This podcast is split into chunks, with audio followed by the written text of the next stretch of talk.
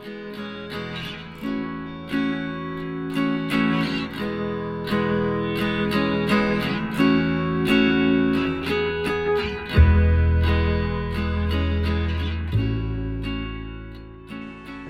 bij de podcast Natural Skills, een podcast over onze innerlijke natuur, veerkracht en psychologie. Ik ben Janine Schimmelpenning en in deze aflevering ga ik in op de stille kracht van geven en nemen. Het leuke van de psychologie is dat het soms 100% haaks kan staan op hoe de dingen gaan in de fysieke of materiële wereld. Een goed voorbeeld daarvan is het principe van geven en nemen. We roepen allemaal wel eens dat het geen kwaad kan om een beetje te leren geven en nemen. En in de praktijk betekent het zoiets als dat beide partijen bereid zijn wat in te leveren voor een gemeenschappelijk doel of resultaat. Maar er is een andere manier van geven en nemen, die vele malen verder reikt dan dit principe. En dat is het psychologische geven en nemen. En dit psychologische geven en nemen is iets heel bijzonders. En het werkt precies tegenovergesteld aan het fysieke geven en nemen. Als jij fysiek iets geeft, als jij je auto geeft aan je buurman, dan ben je de auto kwijt. Als je deze terug wil hebben, dan zul je deze terug moeten vragen. Maar iets dat je psychologisch of mentaal geeft, raak je juist niet kwijt. En hetzelfde geldt voor nemen. Als je fysiek iets neemt, dan heb je het in je bezit. Maar als je mentaal iets neemt, dan word je er juist van verlost. Hoe werkt zoiets? Eigenlijk heel eenvoudig. Want zo werkt onze psychologische natuur gewoon. Het is slechts een kwestie van begrijpen van wat psychologisch geven en nemen nou betekent. Vervolgens kun je het direct toepassen en zelf ervaren hoe het werkt, want in het ervaren zit de crux. Hoe geven we iets psychologisch? Dat doen we gewoon met onze gedachten en onze gevoelens. We geven onze gedachten en gevoelens. Zo gaan we onszelf, ons vanzelf positief over iemand voelen, zodra we positief over iemand zijn gaan denken. En uiteraard werkt het ook andersom op dezelfde manier.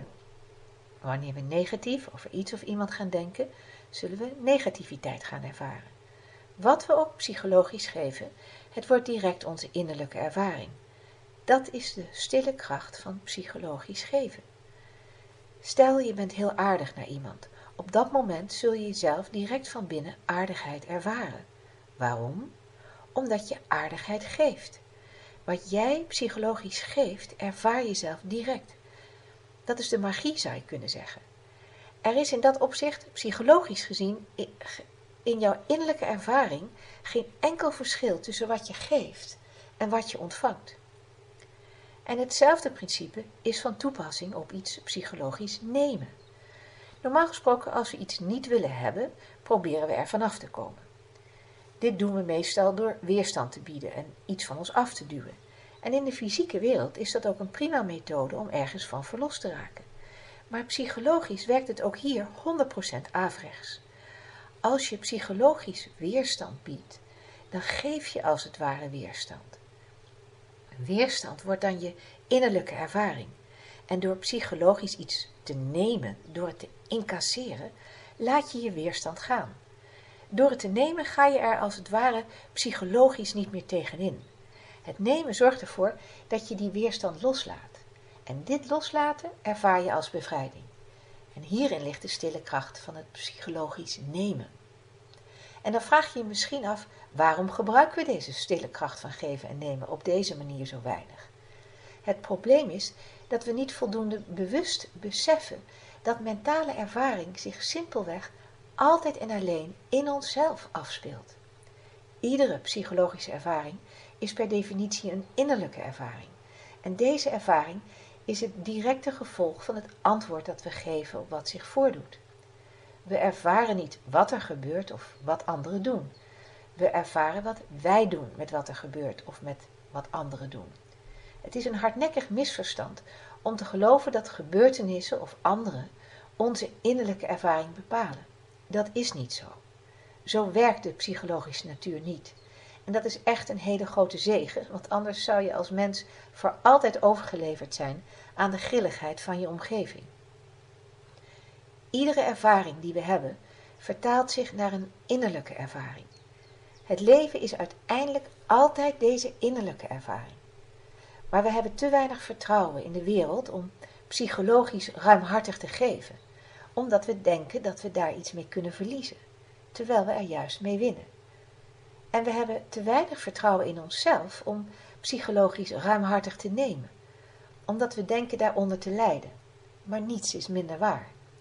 De psychologische natuur lost het allemaal voor ons op zodra we leren los te laten. Het loslaten van het gevoel van innerlijke schaarste, het tekortkomen, leidt vanzelf en direct tot een ervaring van innerlijke rijkdom. En het loslaten van je innerlijke weerstand leidt vanzelf en direct tot een innerlijke ervaring van bevrijding. Dat is de stille, natuurlijke kracht van geven en nemen. Psychologisch geven ervaar je als innerlijke rijkdom. En zolang je niet alles geeft, is er ruimte voor een gevoel van tekortkoming. Psychologisch nemen ervaar je als innerlijke vrijheid. En zolang je niet alles psychologisch neemt, is er ruimte voor weerstand.